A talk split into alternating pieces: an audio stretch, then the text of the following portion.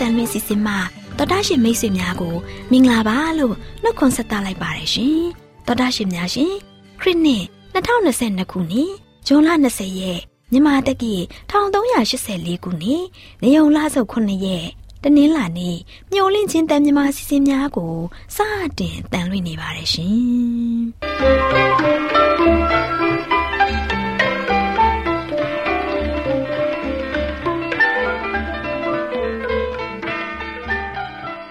တော်တာရှင်များခင်ဗျာမျော်လင့်ခြင်းအတန်မြန်မာအစီအစဉ်ကိုနက်နက်6နာရီမိနစ်30မှ9နာရီအထိ16မီတာ kHz တစ်ခွန်ခွန်23ညညပိုင်း9နာရီမှ9နာရီမိနစ်30အထိ25မီတာ kHz 11943ညမှအတန်လွှင့်ပေးနေပါတယ်ခင်ဗျာ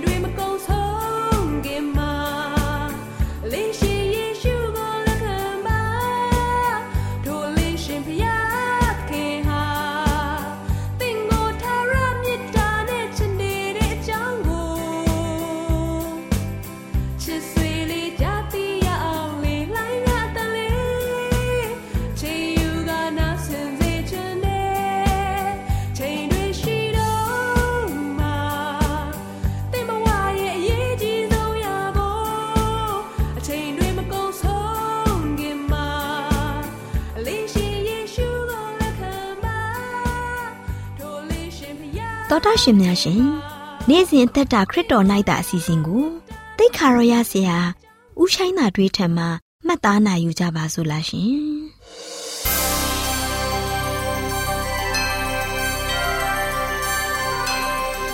စစ်တော်ကရှင်ဓမ္မမိတ်ဆွေညီကိုမောင်မများအားလုံးမင်္ဂလာပေါင်းနဲ့ပြည့်စုံကြပါစေလို့ရှေးဥစွာနှုတ်ခွန်းဆက်သလိုက်ပါတယ်အားလုံးပဲကိုယ်စိတ်နှပြကျမ်းမာချမ်းသာတော်မူကြပါစေ အခုချိန်မှာနေ့စဉ်သက်တာခရစ်တော်၌သာအစီအစဉ်အားဖြင့်ဓမ္မမိတ်ဆွေများအားလုံးအတွက်ဝိညာဉ်ခွန်အားရရှိဖို့ရန်အားပေးတိုက်တွန်းသွားခြင်းပါတယ်။ရှေးဥစွာကျမ်းစာတော်များတစ်ပိုက်ကိုဖတ်ပြခြင်းပါတယ်။ဘယ်မှာတွေ့နိုင်တယ်လဲဆိုရင်ဧသတာဝုထုအခန်းကြီး3အငယ်နှစ်ထဲမှာဖြစ်ပါတယ်ဘယ်လိုဖော်ပြထားသလဲဆိုရင်နန်းတော်တကားသို့ရောက်သောရှင်ပြေဤကျွန်အပေါင်းတို့သည် အမိန့်တော်ရှိသည့်အတိုင်းဟာမန်ကိုဥချရှစ်ကိုကြ၏မော်ဒကဲမူကားဥမချရှစ်မကိုဆိုပြီးဖော်ပြထားပါတယ်ချစ်တော်ရရှင်ဓမ္မမိတ်ဆွေပေါင်းတို့ခင်ဗျာသခင်ခရစ်တော်နဲ့စာရမဏေရဲ့စัจ जा မှာတိုက်ပွဲဟာအဓိကကြတဲ့ဆောင်ဘုတ်တစ်ခုအပေါ်မှာဗဟိုပြုနေပါတယ်တစ်ဖက်ကစာရမဏေရဲ့တဘုံအုပ်စုအဖွဲ့ဆောင်ဘုတ်တခြင်းကတော့ ငါအလိုရှိရာငါလုပ်မယ်ဆိုတဲ့အတ္တဆွဲသဘောပါပဲတစ်ဖက်အုပ်စုကတော့မန်နဲ့ဖျားသခင်အထံတော်မှာချစ်ချင်းမြတ်တာကိုအခြေခံပြီးပေးအပ်ဆက်ကပ်တဲ့သခင်ခရစ်တော်ရဲ့ဘဲတော်သားတွေပဲဖြစ်ပါတယ်သူတို့ရဲ့ကြင်ညာချက်နဲ့ဆောင်မုတ်ကတော့သခင်ဖျားဟာထာဝရဖျားဖြစ်တော်မူတယ်ငါတို့ဟာကိုရရှင်ဖျားရဲ့စကားကို နားထောင်တဲ့သားသမီးတွေဖြစ်ကြပါတယ်ဆိုတဲ့ခံယူချက်ပဲဖြစ်ပါတယ် အဲ့ဒီအုပ်စုနှစ်စုရဲ့အလယ်မှာတော့ခရစ်တော်သခင်ရဲ့ကားတိုင်တော်တနည်းအားဖြင့်ငါဆိုတဲ့အတ္တအစွဲကို ကားတိုင်တင်ပြီးသေစေတဲ့အထိတ်အမှကြောက်တိုင်ဟာရှိနေပါတယ်အဲ့ဒီအုပ်စုမှာတော့အသက်သေးရင်သေးပါစေဖျားသခင်ရဲ့စကားတော်ကိုတော့နားထောင်မယ်ဆိုတဲ့မော်ဒကဲလိုပုံကိုယ်တွေပါဝင်နေပါတယ်ချစ်တော်ရရှင်ပေါင်းတို့ခင်ဗျာဒီကနေ့ကြမ်းကြက်အရာရှင်ဘရင်အာရွှေယုဟာ သူ့ရဲ့စစ်ဗိုလ်ချုပ်ဟာမန်ရဲ့လက်စားမှုကြောင့်တိုင်းသူပြည်သားတွေဟာစိတ်ထားဆိုးညစ်တဲ့ဟာမန်ကိုဥညွတ်အယိုသေးပြုစေဆိုတဲ့အမိန့်တော်ကိုချမှတ်ခဲ့ပါတယ်။အဲဒီခါမှာမော်ဒကဲဆိုတဲ့ယူဒလူကတော့ရှင်ဘီရဲ့ဂိတ်တကားဝမှာတကားမှုဖြစ်လို့စစ်ဗိုလ်ချုပ်ဟာမန်ရဲ့အသွာလာကို နေ့စဉ်တွေ့မြင်ရပေမဲ့လည်းထာဝရဘုရားသခင်ရဲ့ပြညတ်တော်ကို မကျူးလွန်လိုတဲ့ဆန္ဒကြောင့်အဘယ်လူသားကိုမှ မဥညွတ်မရှိခိုးခဲ့ပါဘူး။အဲဒီလိုနဲ့ဘီရင်ရဲ့ကြေးကျွန်တွေဟာဟာမန်ကိုအယိုသေးပြုဥညွတ်ရှိခိုးဖို့ငင်းဆန်တဲ့မော်ဒကဲရဲ့သဘောထားကိုသတိပြုမိကြပါတယ်။နောက်ဆုံးမှာဘာဖြစ်လို့ရှင်ပြည့်အမိတ်တော်ကိုကျူးလွန်ရတာလဲလို့သူတို့ကနေပြီးမော်ဒကဲကိုမေးကြပါတော့တယ်။ဒီနေရာမှာမတ်သားလောက်တဲ့ဥပဒေထုတ်ပြန်ချက်တရားကိုလေ့လာနိုင်ပါတယ်။လူဟာဘုရားသခင်ရဲ့ဥပဒေပညတ်ကိုကျူးလွန်စေတဲ့ ရှင်ပြန်ရဲ့ဥပဒေပညတ်ကို နားထောင်ပါလား။ဒါမှမဟုတ်ဘုရားသခင်ရဲ့ဥပဒေပညတ်ကိုနားထောင်ပါလားဆိုတဲ့အချက်ပဲဖြစ်ပါတယ်။ချစ်တော်ရရှင်ပေါင်းတို့ခင်ဗျာမော်ဒကဲရင်ဆိုင်ခဲ့ရတဲ့အတွေ့အကြုံမျိုးဟာနေဘုတ်ကနေဇာမင်းလက်ထက်မှာလေးစားအပ်တဲ့လူငယ်သုံးဦးရဲ့အဖြစ်လိုပါပဲ။သူတို့တွေ့ကြုံခဲ့ရတဲ့အမိန့်တော်ကရုပ်ထုရှိမှဥညွတ်ပြီးရှ िख ိုးမှာလားဒါမှမဟုတ်မီးလျံဟုံဟုံတောက်နေတဲ့မိဘူးထဲမှာ မီးလောင်ခံမှာလားဆိုတဲ့အမိတ်တော်ပဲဖြစ်ပါတယ်ချစ်တော်ရရှင်ပေါင်းတို့ခင်ဗျာဒီကနေ့အနာဂတ်ကြားစကားနဲ့ပတ်သက်ပြီးဗျာဒိတ်ကျမ်းအခန်းကြီး73အငယ်15ထဲမှာဖော်ပြထားတဲ့အချက်ဟာမော်ဒကဲအချိန်တုန်းကတွေ့ကြုံခဲ့ရတဲ့အမိတ်တော်နဲ့တူနေကြောင်းနိုင်ရှင်ကြည့်ကြပါစို့ဘလို့ဖော်ပြထားတယ်လဲဆိုရင်တာရဲ့ရုပ်ထုကိုမကိုးကွယ်သောသူရှိသမျှတို့ကိုတတ်ချင်းကပြုနိုင်မည်အကြောင်းဆိုပြီးဖော်ပြထားပါတယ် ချစ်တော်ရရှင်ပေါင်းတို့ခင်ဗျာခေတ်အဆက်ဆက်မှာပြန်ကြည့်ရင် အမားနဲ့အမှန်နေရဆကြားတိုက်ပွဲတွေမှာဖျားသခင်ရဲ့ဥပဒေပြညတ်တော်ဟာအစင်မြဲဘ ਹੁ ချက်မှာပဲနေရယူစမဲပဲဖြစ်တယ်ဆိုတာကို တွေ့ရှိရပါတယ်ဓမ္မမိတ်ဆွေပေါင်းတို့ခင်ဗျာကျွန်တော်တို့အနေနဲ့နေဘုတ်ကနေစာမင်းလက်ထက်မှာတွေ့ကြုံခဲ့ရတဲ့လူငယ်သုံးဦးရဲ့အခြေအနေမျိုးလိုမော်ဒကဲရင်ဆိုင်ခဲ့ရတဲ့အတွေ့အကြုံမျိုးလို ဒီနောက်ဆုံးအချိန်မှာကျွန်တော်တို့တွေ့ကြုံရင်ဆိုင်ခဲ့ရရင်ကျွန်တော်တို့ဘယ်လိုအခြေအနေမှာရှိမှာလဲကျွန်တော်ရဲ့မျော်လင့်ရာတစ်ခုဒီကတော့ယေရှုခရစ်တော်ရဲ့တကူတော်ကိုအမိပြုပြီးမမမမယက်တည်နေဖို့ပဲဖြစ်ပါတယ်ဓမ္မမိတ်ဆွေပေါင်းတို့ခင်ဗျာခရစ်တော်ရှင်ဖျားရဲ့ပညတ်တော်မန္တမြကို နားထောင်ဖို့ညင်းပယ်ရမှာထက်သေခြင်းကိုရွေးချယ်ပါဒီလိုရွေးချယ်ဆုံးဖြတ်နေတာဟာလေခရစ်တော်ရှင်ဖျားကို လောကီယမန္တမြထက် ပိုပြီးချစ်ခင်ကြောင်းနဲ့ခရစ်တော်ရှင်ဖျားရဲ့ကြီးမြတ်လာပါသောဇာရိတတော်ရဲ့အခြေခံမူစီးမြင်တွေကိုလွန်ကျူးရတာတဲ့သေခြင်းကိုရင်ဆိုင်ရရင် ပိုပြီးကောင်းပါတယ်ဆိုတဲ့ဝိညာဉ်တော်အတိကြောင့်ပဲဖြစ်ပါတယ်။ဒါကြောင့်ဒီကနေ့ကျွန်တော်ကျမတို့ရဲ့အသက်တာမှာအိုးဖဖျားနောက်ဆုံးသောအချိန်ခါ၌သားသမီးတို့တွေ့ကြုံရင်ဆိုင်ရမည့်စာရမဏနှင့်ဆင်နွှဲရမည်တိုက်ပွဲကို တွန်းလှန်အောင်မြင်နိုင်ဖို့ရန်သားသမီးတို့အားကူညီမဆတော်မူပါကိုရရှင်ဘဲလိုက်သာလင်တစ္ဆာရှိသောသူများဖြစ်ဖို့ရန်မဆတော်မူပါအာမင်ဆိုပြီးဆုတောင်းကြပါစို့ချစ်တော်တာရှင်ဓမ္မမိတ်ဆွေညီကိုမောင်မရောက်စီတိုင်းပေါ်မှာဘုရားသခင်ထံမှကောင်းကြီးမင်္ဂလာဖျားဖျားကြားရောက်ပြီးနေ့စဉ်အသက်တာမှာခရစ်တော်ကိုအားကိုယုံကြည်ခြင်းအပြင်အောင်မြင်သူအရောက်တိုင်းဖြစ်နိုင်ကြပါစေ။။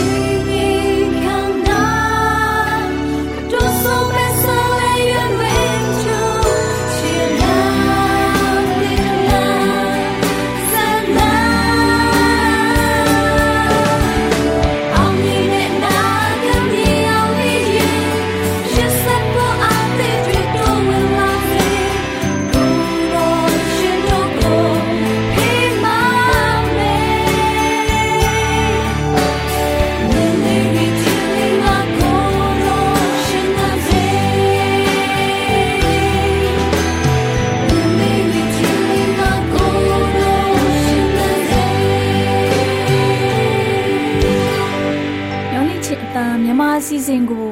နာတော်တာဆင်နေကြတဲ့တောတာရှင်များမင်္ဂလာပေါင်းနဲ့ပြည့်ဝကြပါစေ။တောတာရှင်များရှင်လူတဦးတယောက်ရဲ့အသက်တာမှာတွေ့ကြုံရတဲ့အတွေ့အကြုံတွေအဖြစ်အပျက်တွေဟာတယောက်နဲ့တယောက်မတူကြပါဘူး။ဒါပေမဲ့အဲ့ဒီလူတွေရဲ့အတွေ့အကြုံအဖြစ်အပျက်တွေဟာစိတ်ဝင်စားစရာကောင်းလာပါတယ်။ဒီကနေ့မှာဖိလစ်ပိုင်နိုင်ငံမှာရှိတဲ့ဘီရင်ဆိုတဲ့အမျိုးသမီးလေးရဲ့အတွေ့အကြုံပါပဲ။ဒီအကြောင်းဟာ ကျောင်းသူမလေးဘီရင်ရဲ့ရေးသားပြောပြတဲ့အကြောင်းအရာလေးဖြစ်ပါတယ်။ဒါကဒီလိုပါ။ဘီရင်ဆိုတဲ့ကလေးမလေးဟာ14နှစ်အရွယ်လောက်ရှိတယ်။သူမဟာဖျားတရားစိတ်ဝင်စားတယ် လိမ္မာတဲ့ကလေးမလေးတယောက်ဖြစ်တယ်။သူမဟာတတ္တမနဲ့မျောလင့်ချင်းဖျားเจ้าမှာအမြဲပဲဖျားဝတ်ပြုကြောင်းတက်ပါတယ်။ဒါကိုသူ့မိဘနဲ့အကိုတွေကသူ့ကိုအယမ်းစိတ်ဆိုးကြတယ်။ဒါကြောင့်ဘီရင်ရဲ့မိဘတွေနဲ့သူ့အကိုတွေဟာ သူမကိုမျောလင့်ချင်းအသင်းတော်မရှိတဲ့သူတို့အဖွားနေတဲ့ကျွန်းကိုသွားပို့ကြဖို့စီစဉ်ကြတယ်။ဘီရင်ရဲ့အကိုတွေဟာသူမရဲ့ခါးတွေလက်တွေမှာကျိုးနဲ့တုပ်ချီပြီးတော့မော်တော်ဘုတ်ထဲကိုခေါ်သွားတယ်။ပြီးတော့သူ့အကိုကမော်တော်ဘုတ်အတွက်လိုအပ်တဲ့ဆက်စီကိုကမ်းပေါ်တက်ပြီးသွားဝင်နေတဲ့အချိန်မှာဘီရင်ဟာဘေးပတ်ဝန်းကျင်မှာရှိတဲ့လူတွေကိုတနာစပွဲအကူအညီတောင်းတဲ့အခါမှာလူတွေကလည်းသူမကိုတနာတဲ့အတွက် ချီနှောင်ထားတဲ့ကြိုးတွေကိုဖြုတ်ပေးလိုက်တယ်။ချီနှောင်ထားတဲ့ကြိုးတွေဖြည့်ပြီးတဲ့အခါမှာဘယ်ပြောကောင်းမလဲဘီရင်ဟာထွက်ပြေးတော့တာပါပဲ။ဘယ်ကိုပြေးလဲဆိုတာသူ့အကိုကမသိတဲ့အတွက်ဘယ်လို့မှမတတ်နိုင်တော့ပဲသူလဲသူ့အိမ်ကိုပြန်သွားတယ်။ဘီရီရဲ့အကိုဟာမျောလင့်ချင်းအသင်းတော်ဟာအယူသီးတဲ့အသင်းတော်ဆိုပြီးစိတ်ဆွဲနေတဲ့အတွက်သူ့ညီမလေးကိုအဲ့ဒီအသင်းတော်ကိုမသွားစေချင်ဘူး။ဒါပေမဲ့သူဟာမျောလင့်ချင်းအသင်းတော်အကြောင်းဘာမှမသိခဲ့ နားမလည်ခဲ့တဲ့လူဖြစ်တယ်။ဘီရင်ကတော့ဒီလိုမဟုတ်ပါဘူး။မျောလင့်ချင်းအသင်းတော်ကိုသွားတက်လေ့လာခဲ့တယ်။ဘီရင်ဟာထွက်ပြေးလာတော့သူ့ကိုလူတွေကမေးတဲ့အခါမှာဘယ်လိုပြောပြလဲဆိုတော့မျောလင့်ချင်းအသင်းတော်ဟာကျမခံရတဲ့ဒုက္ခထက်မကတန်ဖိုးကြီးပါတယ်။ဖះရှင်အကြောင်းလဲကျမလေ့လာခဲ့တယ်။ဖះရှင်ဟာကျမကိုချစ်တယ်။ယေရှုခရစ်တော်ဟာကျမအပြစ်အတွက်အသေးခံခဲ့တယ်။ခရစ်တော်ဖះရဲ့နောက်လိုက်တပည့်ဖြစ်ဖို့ ဖះသခင်ကအလိုတော်ရှိတယ်ဆိုတာပြောပြခဲ့တယ်။ဒါမကသေးပါဘူး။ကျမရဲ့အိမ်တော်မိသားစုဟာကျမကိုစွန့်ပစ်ပေမဲ့ကျမကိုချစ်တဲ့ဖះရှင်ဟာကျမကိုသူ့ရဲ့သမီးအဖြစ်လက်ခံဖို့အသင့်ရှိပါတယ်လို့လူတွေကိုပြောပြခဲ့ပါတယ်။တောတန့်ရှင်များရှင်ဘီရီဟာအဲ့ဒီကနေမျောလင့်ချင်းအသင့်အုပ်ဆရာအင်ကိုထွက်ပြေးခဲ့တယ်။သူမဟာအသင့်အုပ်ဆရာနဲ့ဆရာကတော်ကိုအကျိုးအကြောင်းပြောပြတယ်။တရားဟောဆရာနဲ့ဇနီးကအိမ်မှာခဏလက်ခံထားတယ်။ သုံးလေးရဲလောက်ကြားတဲ့အခါမှာဘီရီရဲ့အမေဟာတင်းအုပ်ဆရာအင်ကိုတကားလာခောက်ပြီးဒါငါသမီးငါနဲ့ဆိုင်နေဆိုပြီးတော့ဆရာတို့ကိုလာပြောတယ်။ဆရာကတော်ကဘီရီအမေကိုစကားအေးအေးဆေးဆေးပြောဖို့အိမ်ထဲခေါ်လိုက်တယ်။သုံးလေးရက်နေရင်အိမ်ပြန်ပို့ပေးမယ်လို့လဲပြောတော့ဘီရီရဲ့မိခင်လည်းအိမ်ပြန်သွားတယ်။အတင်းအုပ်ဆရာဇနီးမောင်နှံလည်းသုံးလေးရက်နေပြီးဘီရင်ကိုသူ့အိမ်သွားပို့လိုက်တယ်။ဆရာတို့ပြန်သွားတော့ဘီရင်ဟာအရိုက်အနဲ့ အကန်အကြောက်ခံရပါတော့တယ်။အဖွားစီပို့မယ်လို့ပြောပြန်တယ်။ဘီရင်ရဲ့အဝတ်အစားတွေအားလုံးသူ့အဖွားစီကိုပို့ထားလိုက်တယ်။ဘီရင်ရဲ့အဝတ်အစားအသုံးဆောင်ပစ္စည်းတွေပါမှမရှိတော့ပါဘူး။ဒီခါမှာဘီရင်ကိုမိဘအကိုတွေကနှိပ်စက်တဲ့အတွက်မျောလင့်ချင်းအသေးအုပ်ဆရာတို့စီကိုပြန်ထွက်ပြေးပြန်တယ်။သူမဟာအင်မတန်မှကြောင်းနေခြင်းနဲ့သူ့တငယ်ချင်းတွေစီကအဝတ်အစားတွေငှားပြီးကြောင်းသွားခဲ့တယ်။ ဖတ်စာအုပ်တွေမပါတဲ့အတွက်သူမကြောင်းဆက်တက်ဖို့မဖြစ်နိုင်တော့မှသူမသိတယ်။သူမအသက်15နှစ်ရောက်ခဲ့ပါပြီ။သူမအသက်15နှစ်ရောက်ခဲ့ပြီ။သူမဟာဖះเจ้าမှာအလှရှာခဲ့တယ်။အတန်းမပြီးလို့ဝမ်းနေခဲ့တယ်။မိဘတွေလာမခေါ်တော့ပဲကျမ်းစာနားလည်အောင်ဆက်တင်ပြီးတော့ယနေ့ချင်းမင်္ဂလာကိုခံယူလိုက်ပါတယ်။တရားဟောပွဲဖြစ်မြောက်ရေးကိုကူညီထောက်ပံ့ပေးခဲ့တဲ့အိမ်တော်မှဆရာကြီးတို့မိသားစုဟာဘီရင်ကို တနာလို့ကြောင်းဆက်ထားပေးဖို့မိဘတွေကိုခွင့်တောင်းတဲ့အခါမှာမိဘတွေကခွင့်ပြုတဲ့အတွက်ပါလာဝန်ကျွန်းမှာရှိတဲ့မျိုးလင့်ချင်းအကယ်ဒမီကျောင်းမှာသွားရောက်တက်ခွင့်ရခဲ့တယ်။ဘီရင်ဟာသူ့ကိုဖျားရှင်အဖြစ်ပေးပြီးဆိုတာသိရတယ်။ကျောင်းအုပ်ဆရာကြီးကလည်းသူမကိုလိုတဲ့ဟာတွေလိုတဲ့ဟာတွေဝယ်ပေးတယ်အကူအညီလည်းပေးတယ်ဘီရင်ကဘာပြောလဲဆိုတော့ကျောင်းပြန်နေရတဲ့အတွက်သူရဲ့ကျောင်းတော်ကြီးဟာ ကျမရဲ့ခိုလုံရာမြို့တော်ကျမရဲ့ကောင်းကင်နိုင်ငံတော်လိုဖြစ်နေပါတယ်ကျောင်းပြီးသွားလို့ရှိရင်ကျမကိုဒုက္ခရောက်တဲ့ကျမလိုဒုက္ခရောက်တဲ့သူတွေကိုပြန်ပြီးတော့ကူညီမဆမယ်အမှန်တရားကိုကာကွယ်ပြီးအမှန်တရားဖက်မှာမမမမရပ်တည်သွားမယ်လို့လည်းပြောခဲ့ပါတယ်တောတရှိများရှင်ဘီရင်ဆိုတဲ့တငမလေးရဲ့ဆူတောင်းမှုဖះကိုဆက်ကပ်မှုတစ္ဆာရှိမှုတို့ကြောင့် အောင်မြင်သွားတဲ့အသက်တာအတွေ့အကြုံကို နာတော်တာဆရာချင်းဖြင့်ဘဟုတုတတိုးပွားပြီးဝိညာဉ်ခွန်အားရယူနိုင်ကြပါစေတောတာရှင်များရွှေလန်းချမ်းမြေ့ကြပါစေရှင်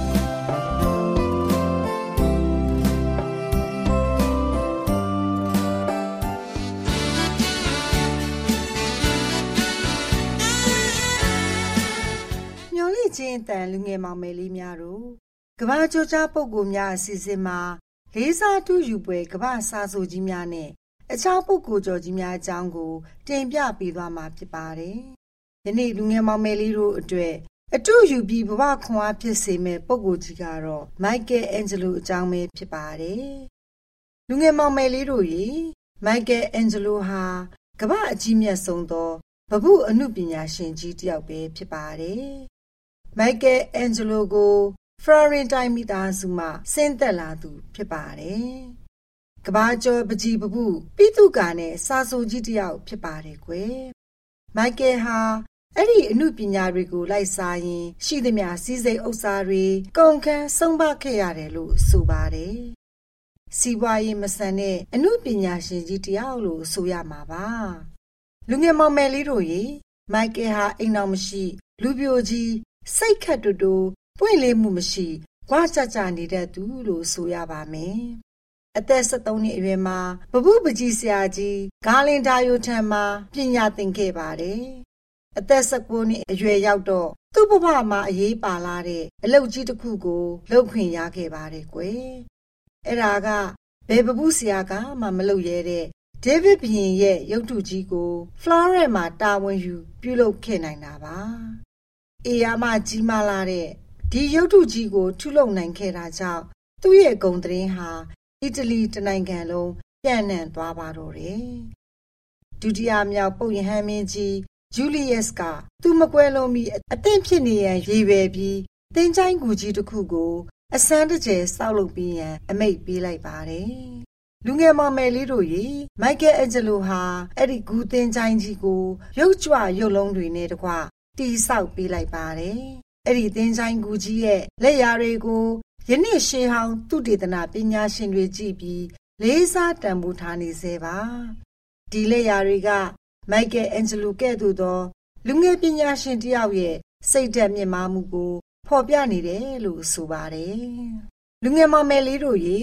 ပုပ်ဂျူလီယပ်စ်ကွယ်လွန်ပြီးတဲ့နောက်ဓာတ်သမမြောက်ပုပ်မင်းကြီးလီယိုဟာလည်းသူ့ကိုအက်စလိုရီဆိုဖျားเจ้าရဲ့ ဆောက်လုပ်ရေးအလုပ်တွေမှာလှုပ်ဆောင်ပေးရန်ကမ်းလှမ်းပြန်ပါတယ်။တခါအဲ့ဒီဘုရားကျောင်းမှာပဲမက်တီစီမိသားစုရဲ့ဂူသင်းချိုင်းတွေကို ပြုလုပ်ပေးခဲ့ပါတယ်။အဲ့ဒီမှာသူထုထွင်းထားတဲ့ရုပ်ထုတွေနဲ့ပိတုကပုံစံတွေဟာ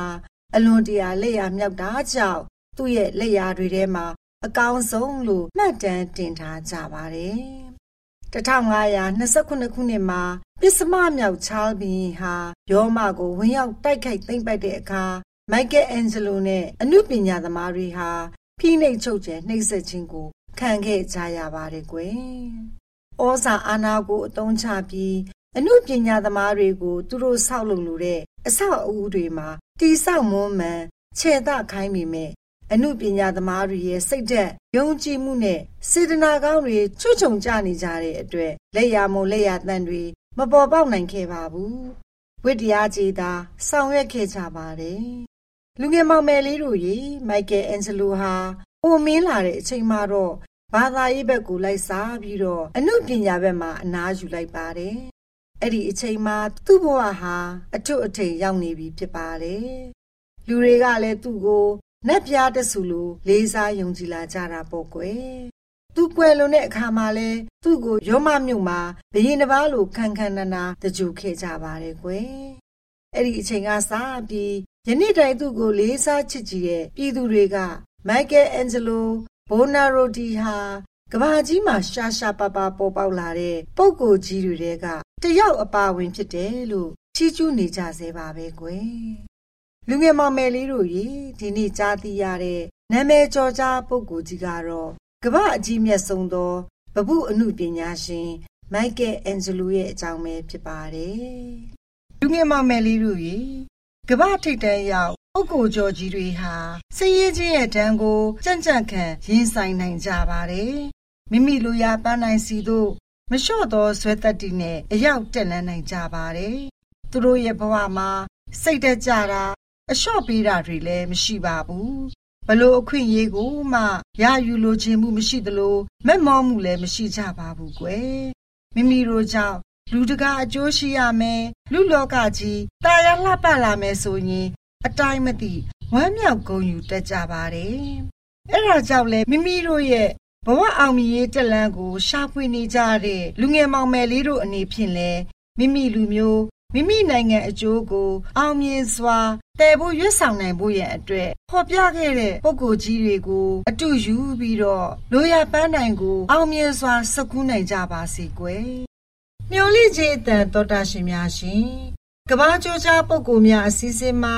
လေးစားအတူယူပွဲကဘာစားစိုးကြီးများနဲ့အခြားပုဂ္ဂိုလ်ကျော်ကြီးများစာအုပ်မှာ စာရေးသူဆရာကြီးဦးဝံထိန်ရေးသားထားတဲ့မိုက်ကယ်အန်ဂျလိုရဲ့အကြောင်းကို ကောက်နှုတ်တင်ဆက်ပေးခဲ့ခြင်းပဲဖြစ်ပါတယ်ရှင်။ကျေးဇူးတင်ပါတယ်ရှင်